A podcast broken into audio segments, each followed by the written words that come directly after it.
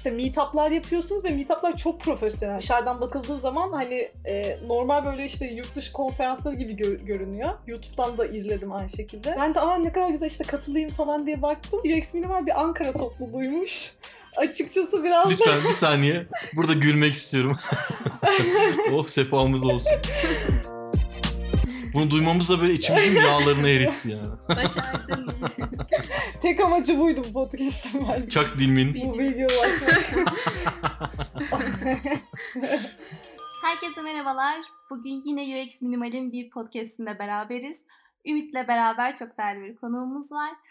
Ee, ülkemizin değerli bankalarından, UX'e değer veren bankalarından, şimdi globalleşmeye BBVA ile adım atan bankalarından, Garanti Bankası'ndan bir konuğumuz var. Kendisi iş analisti uzmanı ve e, bugün bizimle sohbet edecek. Bu arada tekrar herkese merhaba. Sürekli erkek sesi duymaktan yılan insanlar için e, Dilmi'nin harika ses tonuyla UX böyle güzel bir başlangıç yapmış olduk. Umarım. bence bence benim gibi kart sesli birisinden sonra Evet. güzel bir e, kadının sesi daha iyi olmuş bence. Teşekkür. Aşırı ince.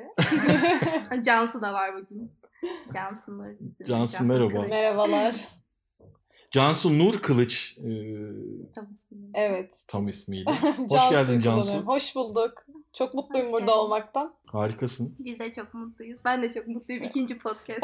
Heyecanlıyım. Çok güzel. Dilmi'nin daha önce e, e, sevgili Nesibe ile bir podcast olmuştu. Evet. Merak E, edenler orada için. e, tasarımdan e, UX researcher'la uzanan e, o e, hikayesinden bahsetmişti. Aynı şekilde Nesibe'nin de e, okuldan arkadaşı Dilmi. Evet. Bugün de yine bir e, endüstri ama e, mühendisi ekiyle endüstri mühendisi Cansu'yu e, e, konuk ediyoruz.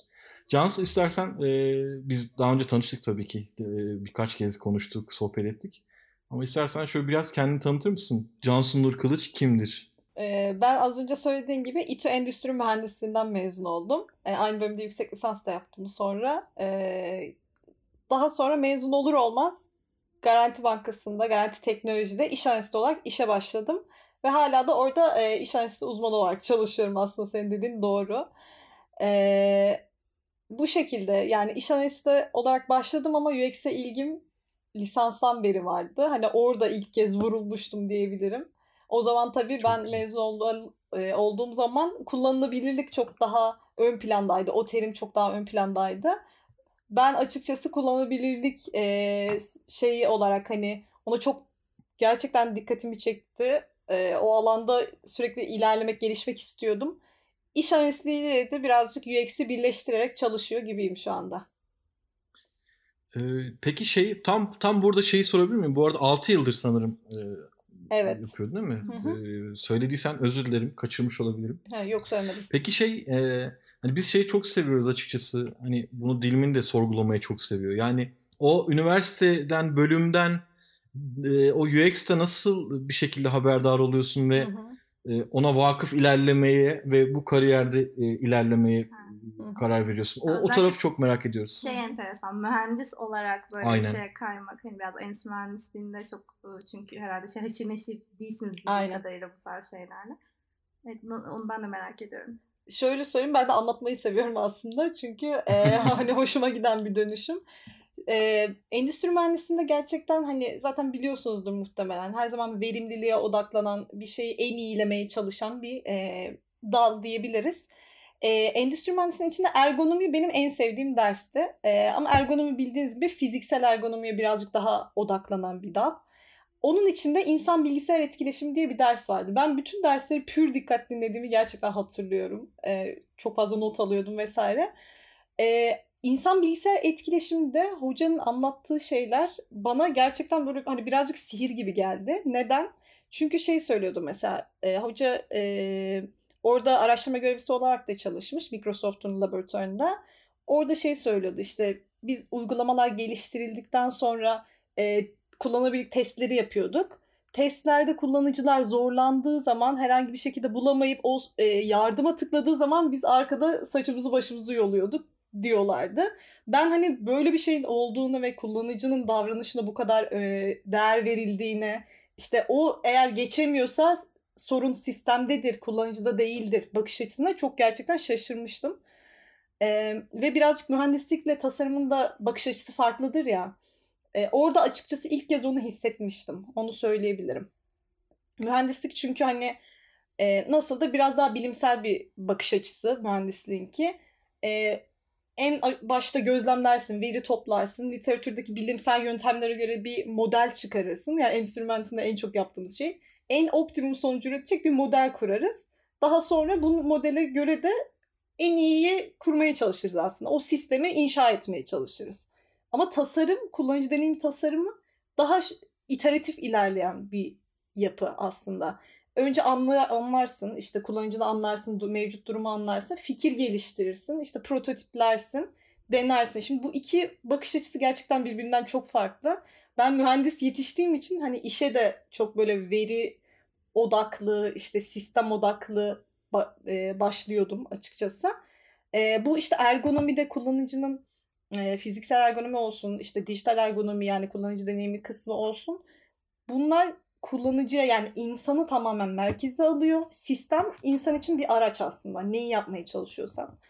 Ve kullanıcıya en uygun şekilde fiziki ürünü tasarla, işte onun eklemlerine en uygun ürünü tasarla. Dijital dünyada da onun zihinsel eforunu en azaltacak ürünü tasarla.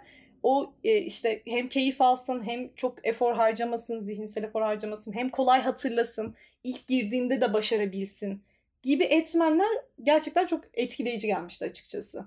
E, o yüzden de mezun olurken de aklımda şey vardı kullanılabilirlik üzerine e, çalışmayı da düşünüyordum şöyle.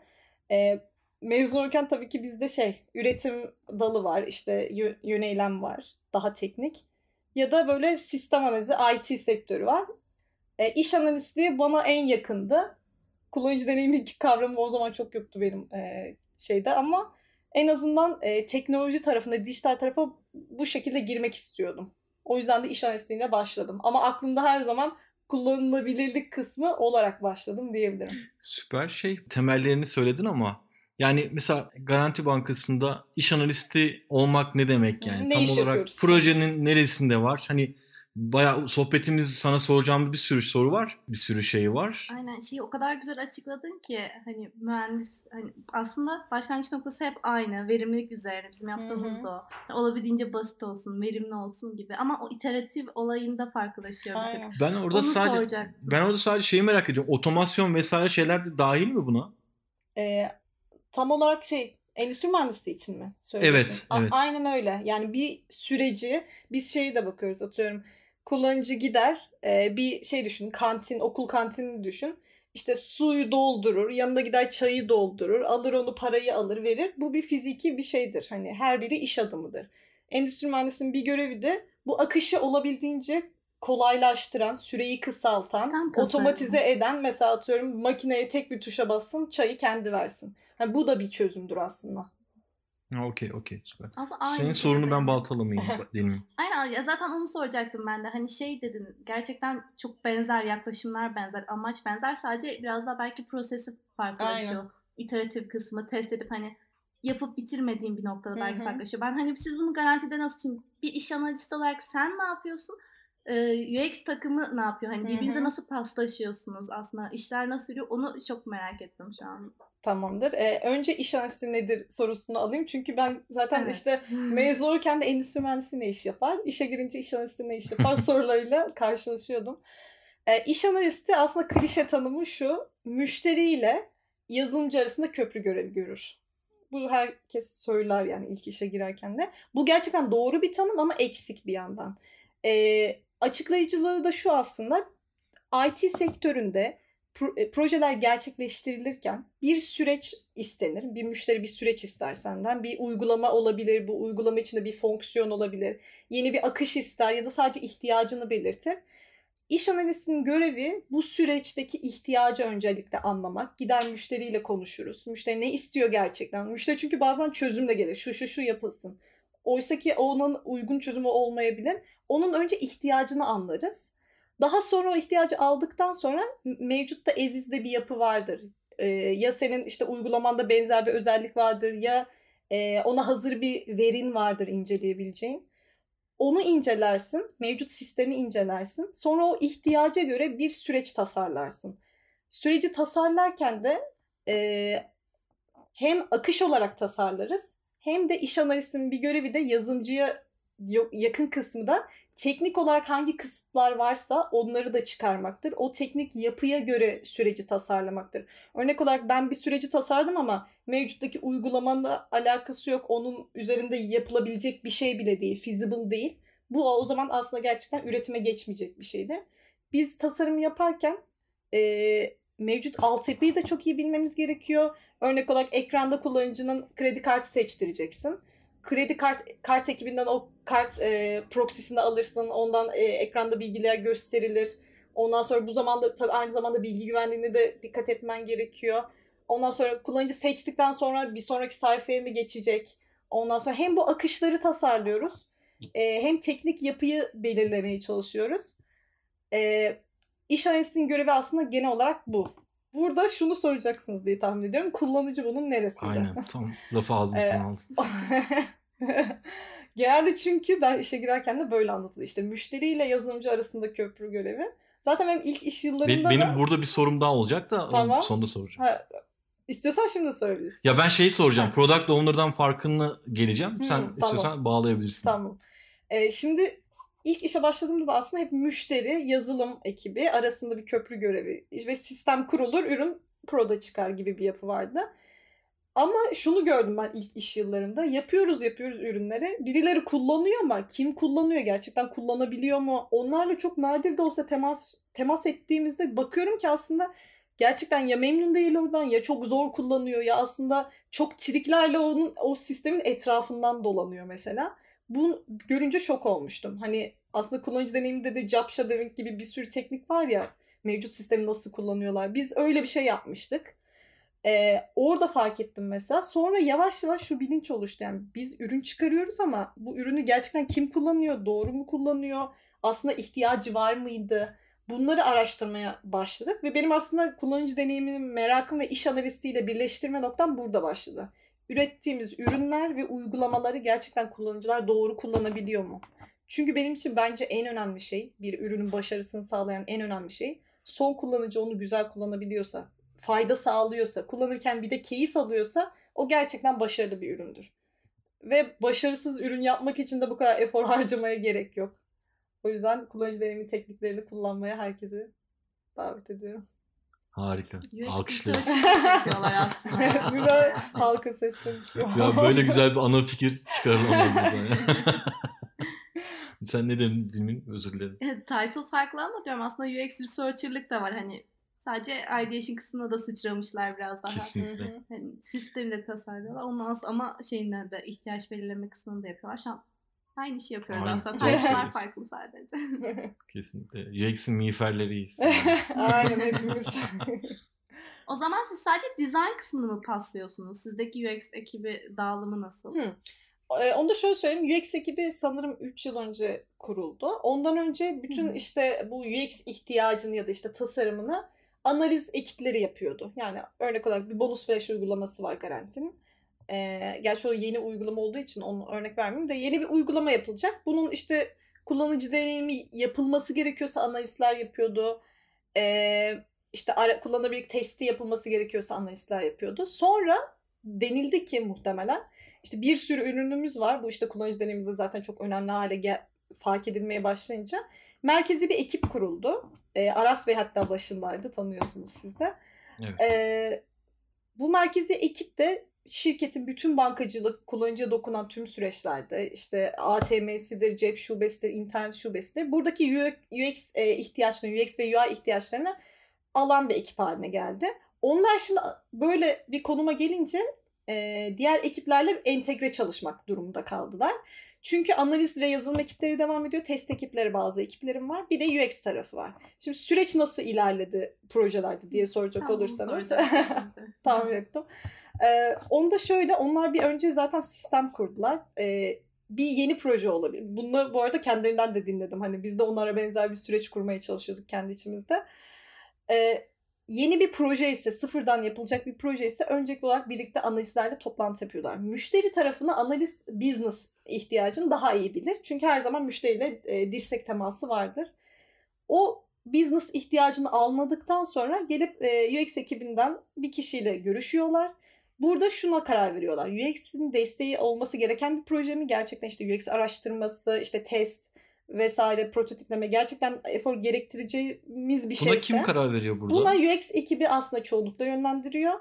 Ee, onlar işte analiz ekibi ve UX ekibi bir araya gelerek yöntem belirliyorlar. Burada şey mesela bazen de UX araştırmasını e, tabii her hani her proje aynı ilerlemiyor. Bazısında sadece kullanılabilecek testi yapılarak ilerleniyor. Zaten çok hızlı bir şekilde ürün çıkmış oluyor.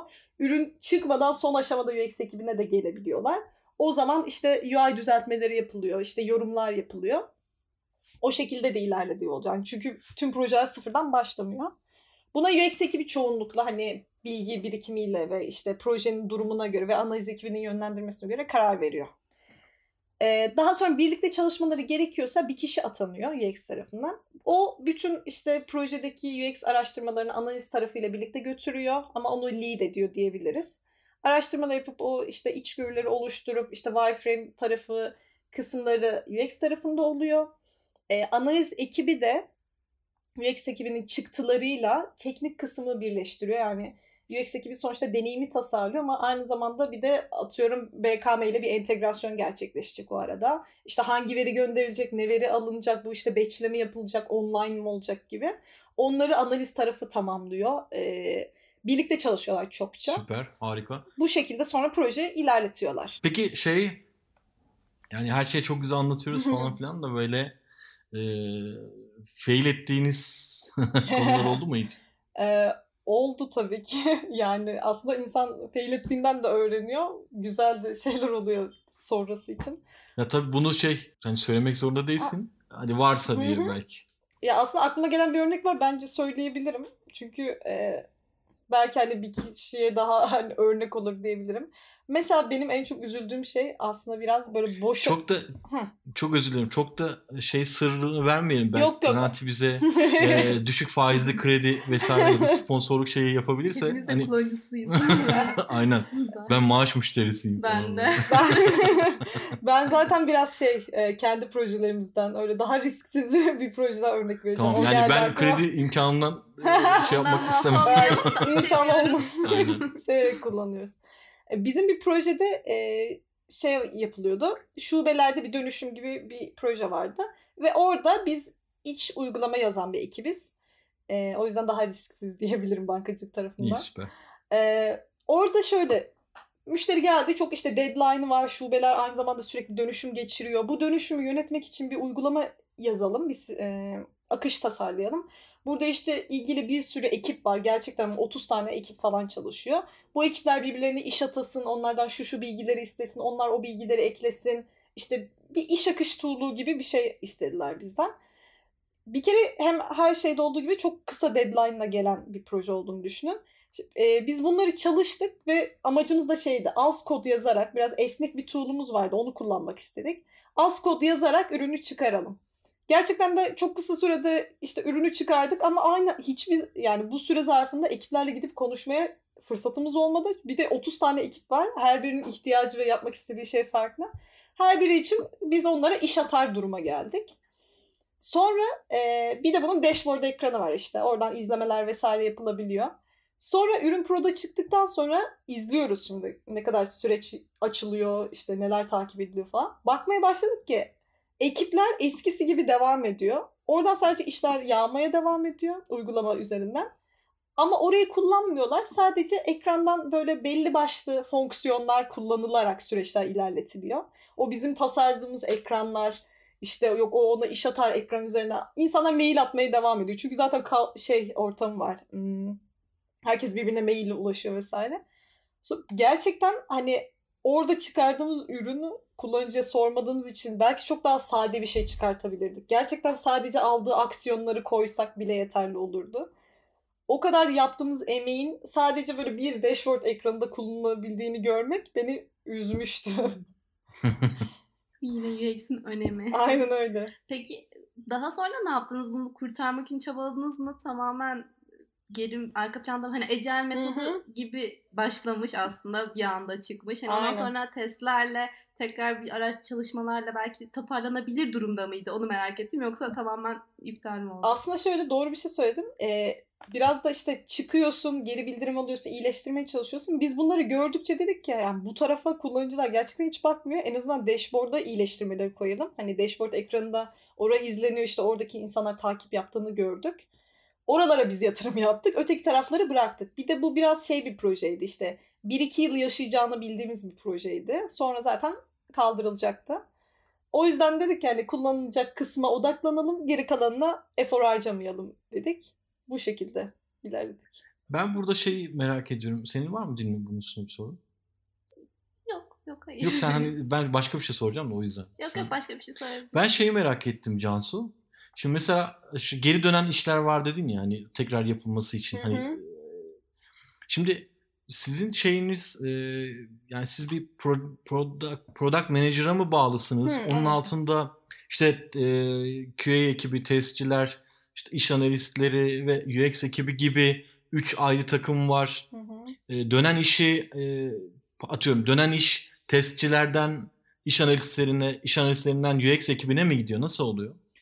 Ee, aslında şöyle, şimdi bunun iki cevabı var. Şimdi biz bir agile dönüşüm geçirdik son bir yılda. O yüzden bunun product manager dediğin kavram product owner olarak hayatımıza yeni girdi. Yani son bir yılda. Hı hı. Ondan öncesinde bu dönen iş diyelim, e, atıyorum 4-5 ekibin çalıştığı bir büyük bir iş diyelim. E, değişmesi gereken bir yer varsa bu testten değil de işte kullanıcıdan döner çoğunlukla. E, ya da herhangi bir aşamada yani analiz olabilir. Ecelden önce şöyle büyük analiz süreleri, büyük geliştirme süreleri, büyük UAT süreleri olurdu. Yani müşteri gelir ekrana bakar, Aa, ben bunu istemiyordum ki der. O zaman çok daha fazla başa dönme olurdu. Ee, yani waterfall kısmı böyle. Agile kısmında yani artık hayatımızda olan şey de şimdi çok iteratif ilerlediğimiz için küçük bir şey Sprintleriniz bu arada 3 haftaydı değil mi? iki hafta çoğunlukla bankada bizim ekibin 3 hafta. Yani yine de hani benzer süreler. Ee, ürün geliştirildi. Diyelim ki prod'da olan bir ürün. İşte o fonksiyon e, istediği gibi kullanılmıyor. Bu ilk olarak product owner'a gelir. Product owner bizde bankada, e, bankacılık ekiplerinin takımlarında genelde iş birimlerinden oluyor. Zaten Agile'da da şey söyler ya development team işte core team'dir. İşte analiz yazılım test yapar. Product owner ise iş biriminden olur. Çünkü müşteri ihtiyacını en iyi bilir. İşte kararı verecek kişi odur şeklinde. Ona product owner e, ihtiyacı değerlendirir. Gerçekten bunu almalı mıyız? Ya da işte bu fonksiyon anlamsız mı? Kullanıcılar anlamıyor mu? UX anlamında e, mı sıkıntı yaşıyorlar diye değerlendirir. Burada UX görüşü alır gerekirse. UX ekibiyle görüşür. Bu kritik bir UX e, hatası mıdır? Yoksa işte bazı durumlarda da hani işte ilerlemek adına gözden çıkarılabilir çok küçük bir şeyse.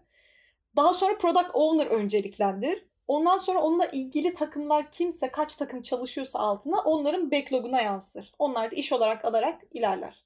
Tam cevap oldu mu soruna emin değilim. Ne oldu? Hı. Oldu. Olmadıysa tek. Süper. Harikasın. Şeyi de merak ediyorum. Şimdi e, çok araştırmadım ama BBVA e, bildiğim kadarıyla global büyük bir e, banka değil mi? Evet aynen.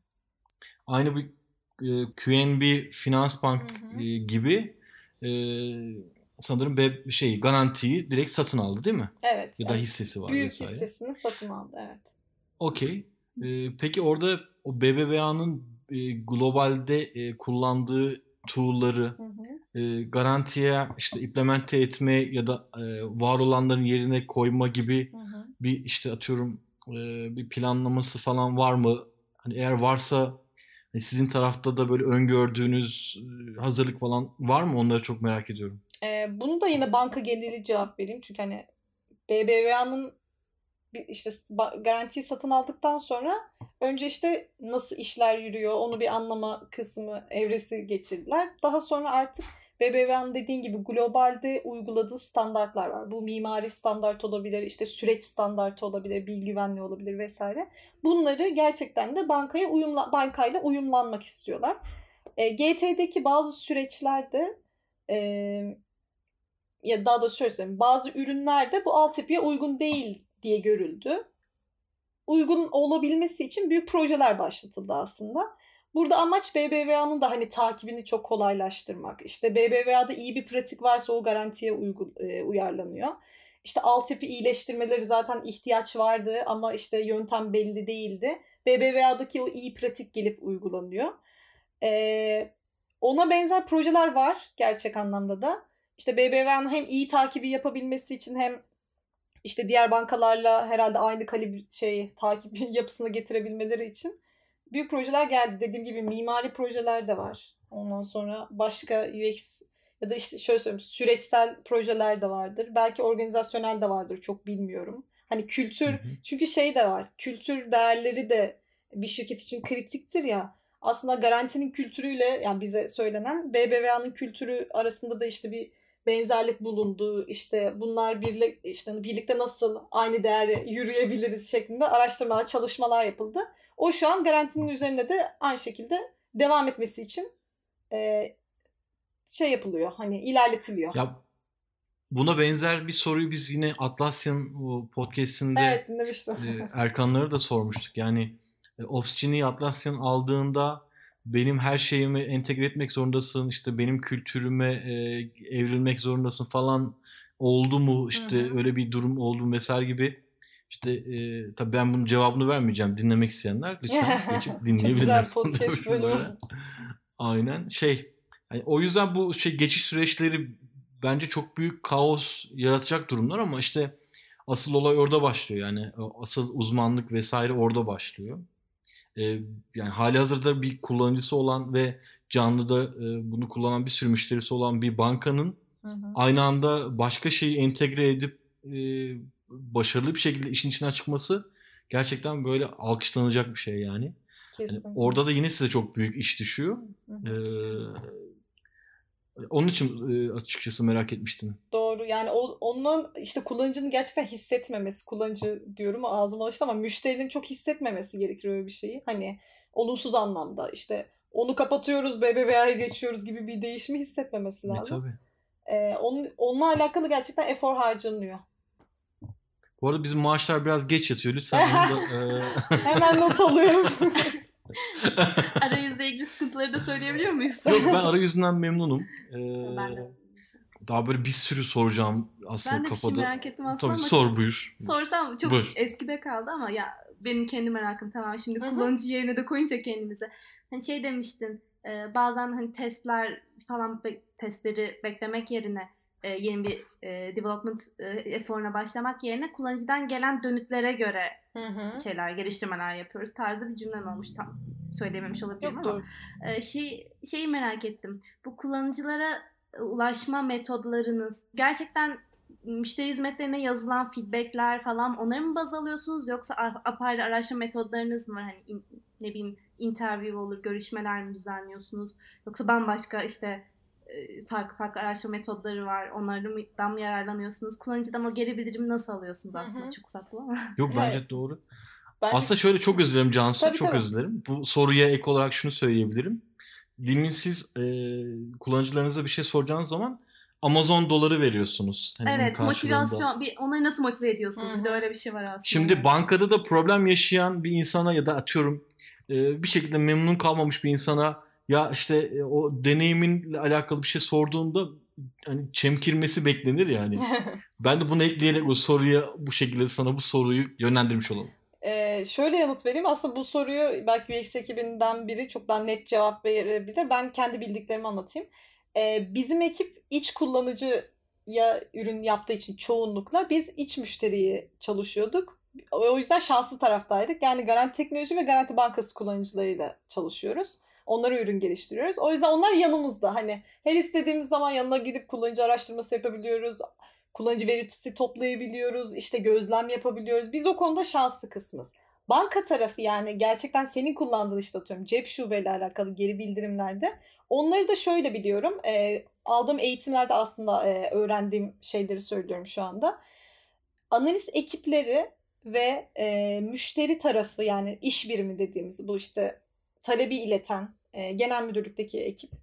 Onlar kullanıcıyla zaten şeyler, daha iç içeler. Ve bildiğim kadarıyla bir veri tabanı var zaten.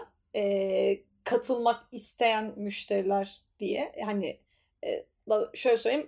Kullanıcı testi yapılabilecek müşteriler, e, kullanıcı araştırmalarına katılabilecek, geri bildirim alınabilecek müşteri kitlesi şeklinde. Oradan e, hani sizde de olduğu gibi muhtemelen belli bir örneklem alınıyor. İşte belli tipte hangi tipte personaya göre kullanıcılar isteniyorsa onlar seçiliyor ve bunu iş birimi ara, ayarlıyor diye biliyorum çoğunlukla. Ondan sonra o kişilerle tabii ki iç müşteriden daha zordur dış müşteriyle ulaşmak. İşte dediğin gibi gerçekten sinirli biri ise ondan o şeyi almak çok zordur. Evet, aynen yani iyi, iyi deneyimi de hatırlamaz. Orada benim hatırladığım e, havuç vermek tabii ki de o genel teknik kullanıcıya havuç vermek. E, onun dışında işte şey de çok söylüyorlardı işte iyi ağırlayıp onlara işte biz ürünümüzü test etmek istiyoruz. Sizin yaptığınız yanlış hiçbir şey yok. İşte sizin geri bildirimlerinizle biz ürünümüzü iyileştireceğiz. Size daha iyi e, ürünler sağlamak istiyoruz şeklinde yaptıklarında aslında kullanıcılardan iyi dönüş aldıklarını ve çok faydalı şeyler aldıklarını e, biliyorum. Böyle söyleyebilirim. Orada düşünsene şey e, müşteri arıyorlar. Merhaba Garanti Bankası'nı arıyoruz. Kardeşim kredi kartı istemiyorum deyip geri kapatıyormuş falan. Olabilir. Bu arada şey de ben söylüyorlar. direkt şey diyorum ya böyle bankadan önce şu an müsait, Müsait değilim diyorum ama hiçbir zaman müsait değilim. Yani. Aynen. Ee, şey- Halbuki 100 liradan oluyormuş haberim yok. Demek ki dinlemek lazım olabilir. Ee, ya şey söylüyorlardı kullanıcılar hani görüşme yaptıkları zaman e, o tepki ve sinirli anını yönetebilirse iyi ama yönetemediği durumda da şey oluyormuş. Mesela görüşmenin ortasında işte benim de aslında şöyle şöyle bir problemim vardı da işte bunu böyle ne zaman yapacaksınız? gibi girdiklerinde o zaman şey diyorlarmış bize de öğrettiler. Hani tamam bu sorunuzu alacağız yanıtlayacağız. Şimdilik şöyle devam edelim işte testimize devam edelim. En sonunda sizin sorularınızı yanıtlayacağız diye kullanıcıyı sakinleştiriyoruz diyorlardı. Çünkü insan gerçekten aklına geliyor mesela. Düşünsene Jeff şurada bir şey test ediyorsun. Ha ben de bunu yapamıyordum zaten işte şurada ödeme ödeyemiyordum işte faizim dediğin gibi göremiyordum falan. Bunu söyleyebiliyor. Sakinleştirip tamam yanıtlayacağız deyip devam ediyoruz de- dediler. Ya bir de çok özür Bir de şöyle bir şey var. Ee, aynı internet e, müşterilerinin memnuniyetsizliği gibi bankada da bir memnuniyetsizlik durumu var genel olarak kullanıcılarda. Çünkü sürekli paranın gittiği, sürekli Aynen. bir şeylerin kesildiği yani hiçbir şekilde böyle tabii mutlu olanlar vardır böyle trilyonlar olan atıyorum faizli böyle zengin olan tipler de hani genel olarak bizim gibilerden bahsedeyim hadi. Evet. Yani hep bir önyargı olduğu için ne bileyim yani böyle o, o havuç havuç değil havuçun kasasını versen belki yine sağlıklı bir görüşme yapamayacaksın gibi. Eminim daha zordur. Havuçlu ki. Aynen. Eminim çok bir şey daha soracaktım. zordur. Yok ben de kendimden örnek verecektim. Ya ben direkt e, kendi yöntemim. Ben bu konuda uzman değilim. Hani Hmm. o yüzden bu, bu sorunuzu ileteceğim deyip sonra Not alıyorum. Not alıyorum deyip ama dönüyorum onlara. Biz sizi Ama arayacağız. Sadece görüş- görüşmeyi bölmesin diye mi? Mantıklıymış. Süper. Yani biz e, yani her podcast'te şunu kesin söylüyoruz Cansu. Ya işte bizim hedefimiz 20 dakika olsun. İnsanları böyle sıkmayalım. Ama o kadar keyifli güzel gidiyor ki böyle şey sohbetler. 40 dakika Yani minimum 40 ya da 50 dakika oluyor. O yüzden şey e, yani garantiyle ilgili ben açıkçası o şey hakikaten süreç konusunda başka sorum yok. E, gayet olabildiğince iyi anlattığını düşünüyorum. Biraz daha magazinsel e, sorulara geçmek istiyorum. Tabii. Senin e, daha önceden UX Minimal'in takipçisi olduğunu, e, işte podcastlerimizi dinlediğini, Evet. e, işte tanıştığımızda sen söylemiştin. Hı hı.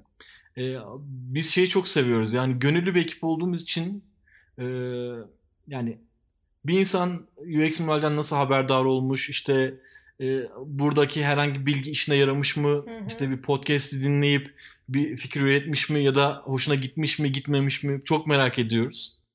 E, orada da senin hani bize e, Slack'ten çok güzel bir dönüşün olmuştu. Hatta bu güzel iletişimin sonunda hadi bir podcast kaydedelim yani e, garantideki o iş analizi süreci nasıl e, onu e, dinleyicilerle paylaşalım demiştik. Senin de bu e, davetimizi kırmayıp bu güzel sohbetin için ayrı teşekkür ederim. Ben de çok teşekkür E, ederim. bu UX Minimal'den nasıl haberdar oldun? İşte e, sonrası nasıl gelişti öğrenebilir miyiz? Tabii ki. İstanbul'daydım. Ben şimdi hatırladığım Aynen bir de kadarıyla... İstanbullardan. ya evet. ben hatırladığım kadarıyla e, Aras Bey'in bir podcastiyle tanış, tanışmıştım aslında sizle. UX Minimal'den e, işte UX Minimal'in podcastiyle işte Aras Bey zaten ben hani e, garantideyken de çok fikrini alıyordum. Daha sonra da sağ olsun çok gerçekten çok yönlendiriyor. UX anlamında Türkiye'deki çok bilgili kişilerden biri olduğu için onun vasıtasıyla tanışmış oldum diyelim sizle. Tanışır tanışmaz da tabii ki de işte YouTube kanalından ondan sonra e, Spotify'dan falan podcastlerinizi dinlemeye işte izlemeye başladım. Hatta web sitenizde Slack'ını asilik buton çalışmıyor diye mail atmıştım. Sonra er, ertesi gün mü aynı gün mü yeni, yeniledik siteyi diye siz dönmüştünüz. Aynı gün şey halbuki bir saat sonra şey yeni e, versiyon çıkmıştık. o kadar olur yani. Çok iyi denk gelmişti. E, podcastlerinizden bence inanılmaz faydalı. Herkese tavsiye ediyorum. Tamamını dinleyebilirsiniz. Yolda çok güzel oluyor bu arada. E, onu söyleyeyim. İstanbul yolları trafiğinde. Ya aynen öyle. Hatta direkt iki bölüm aç dinle. Gerçekten çok iyi gidiyor. Ee, şey söyleyeyim podcastlerde en sevdiğim şey çok spesifik konulara giriyorsunuz. Yani UX nedir'den başlayan o artık hani her konferansı böyle bir iki yıl önce de UX nedir işte kim yapar UX UI farkı nedir falan gibi konulardan ziyade artık çok daha derin konulara iniyorsunuz. İşte atıyorum geçen haftaki konu e, işte oyun uygulamasında tasarım kararları nasıl yapılıyor gibi. Hani çok spesifik konulara dair içerik sunuyor, sunuyorsunuz. Bence bu çok değerli. Ee, onun dışında ben şey de tabii ki UX işte meetup'lar yapıyorsunuz ve meetup'lar çok profesyonel. Dışarıdan bakıldığı zaman hani e, normal böyle işte yurt dışı konferansları gibi gö- görünüyor. YouTube'dan da izledim aynı şekilde. E, ben de aa ne kadar güzel işte katılayım falan diye baktım. Ondan sonra şey baktım ki UX Minimal bir Ankara topluluğuymuş. Açıkçası biraz da Lütfen bir saniye. Burada gülmek istiyorum. oh sefamız olsun. yani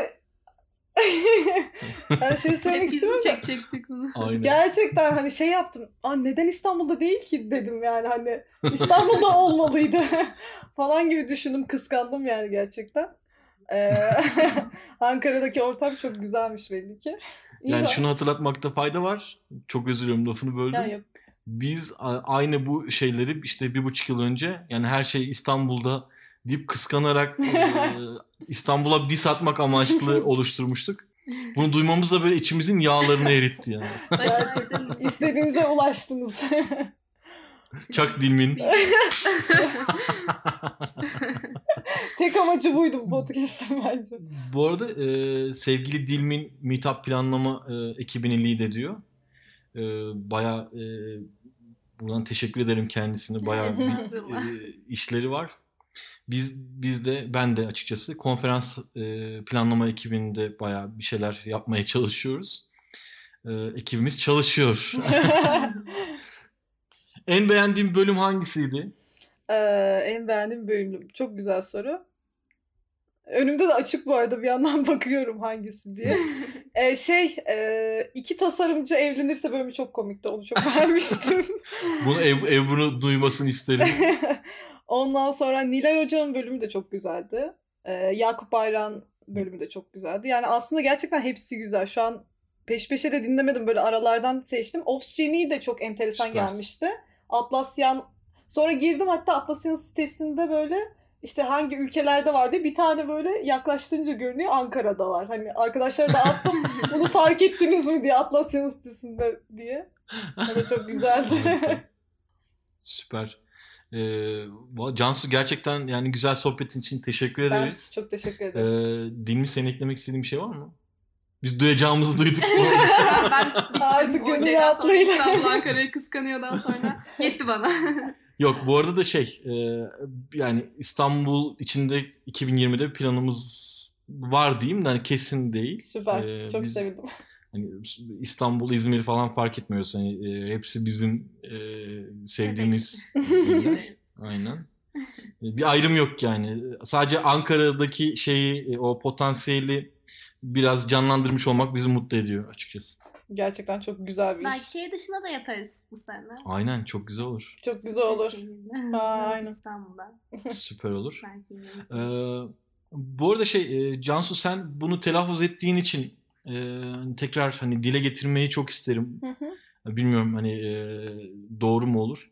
E, sen şey demiştin yani UX minimali Ankara dışında da böyle hani e, farklı illerden yapılanma şekline sokmayı planlıyor musunuz? Eğer hani İstanbul olursa e, ben de hani e, bir şeyler yapmak isterim demiştin. Kesinlikle. Orada böyle hani bir kişiyle e, zor demiştim ben sana hani e, yanlış hatırlamıyorsam. Yani e, buradan da hani biz dinleyen olursa yani böyle farklı illerde de e, hani o sorumluluğu işte almak isteyen Cansu gibi hakikaten ve Cansu'ya mesela yardım edebilecek birileri olursa bence biz seve seve isteriz öyle bir şeyi. Gerçekten çok Buradan da onu da duymuş olalım. Aynen. Yani hani ikinci bir şube gibi aslında UX Minimal'in İstanbul şubesi çok güzel olur. Ee, şeyden onu podcastlerinizde de söylüyorsunuz hani kalabalık ekibi yönetmek işte e, bir meetup çıkarmak bunlar çok tahmin edemeyeceğim muhtemelen hiç bilmediğim dünyalarda. Ama hani hem komüniteye çok büyük bir katkı sağlıyorsunuz hem eminim siz de çok şey öğreniyorsunuzdur. Hem organizasyon konusunda hem içerik konusunda. İşte Türkiye'deki Evet. kişileri tanıyorsunuzdur, onlarla sohbet ediyorsunuzdur. Yani gerçekten kazan kazan bir durum. O yüzden hani İstanbul'da da olması işte e, nasıl yönetebilir bilmiyorum ama e, gönüllü olan kişilerle başlatılırsa bence biz de çok şey öğreniriz. Sizin öğrendiğiniz tecrübelerden de faydalanırız. Bir de siz mesela kendiniz başlattınız. Belki daha bilinmez bir ortamdan başlattınız. İstanbul'da başlayan en azından Ankara'nın bilgi birikiminden faydalanır diye düşünüyorum. Yardım ederseniz. o şekilde. Ee, gerçekten bunlar bizim için hani çok e, güzel ve heyecanlı heyecanlandırıcı şeyler. Ee, çok güzel ya. Bunları duymak gerçekten ben şahsım adına teşekkür ederim. ben de teşekkür ederim. Ben de çok mutlu oldum. Evet, e, artık Dilmin'i daha fazla podcastlerde e, görmek istiyoruz Dilmin. Evet. Bunun sözünü alalım mı buradan? Alalım. Emin misiniz? Evet. İnşallah. Cansu Nur Kılıç'ı e, konuk ettik. E, çok keyif aldım açıkçası. Bu arada güzel sohbetin için çok teşekkür ederiz Evet, Cansu. teşekkürler Cansu. Rica ederim. Çok ben de çok teşekkür podcast. ederim. Çok Biz hep şey diyoruz ya bunun ikincisini yapalım diye. Hani böyle klişe gibi olsun istemiyorum ama hakikaten bence yapalım yani. Çünkü benim daha soracak bir sürü şey vardı. Bu arada benim de özelden dahil. Çok isterim.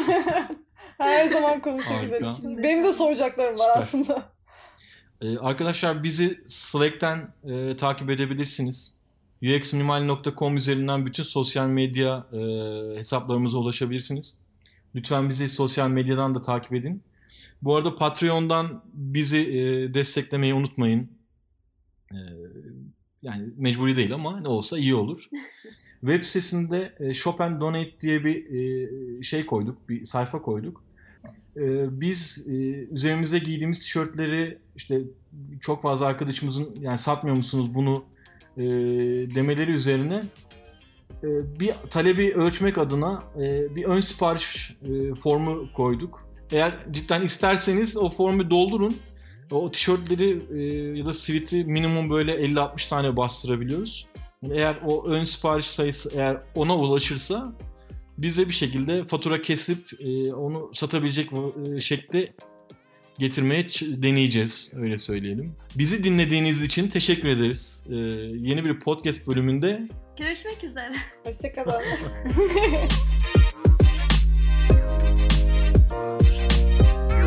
ben bu arada lafını böldüm. Sen İstanbul'dan kıskanıyoruz falan demiştin. bir daha bir daha duyalım.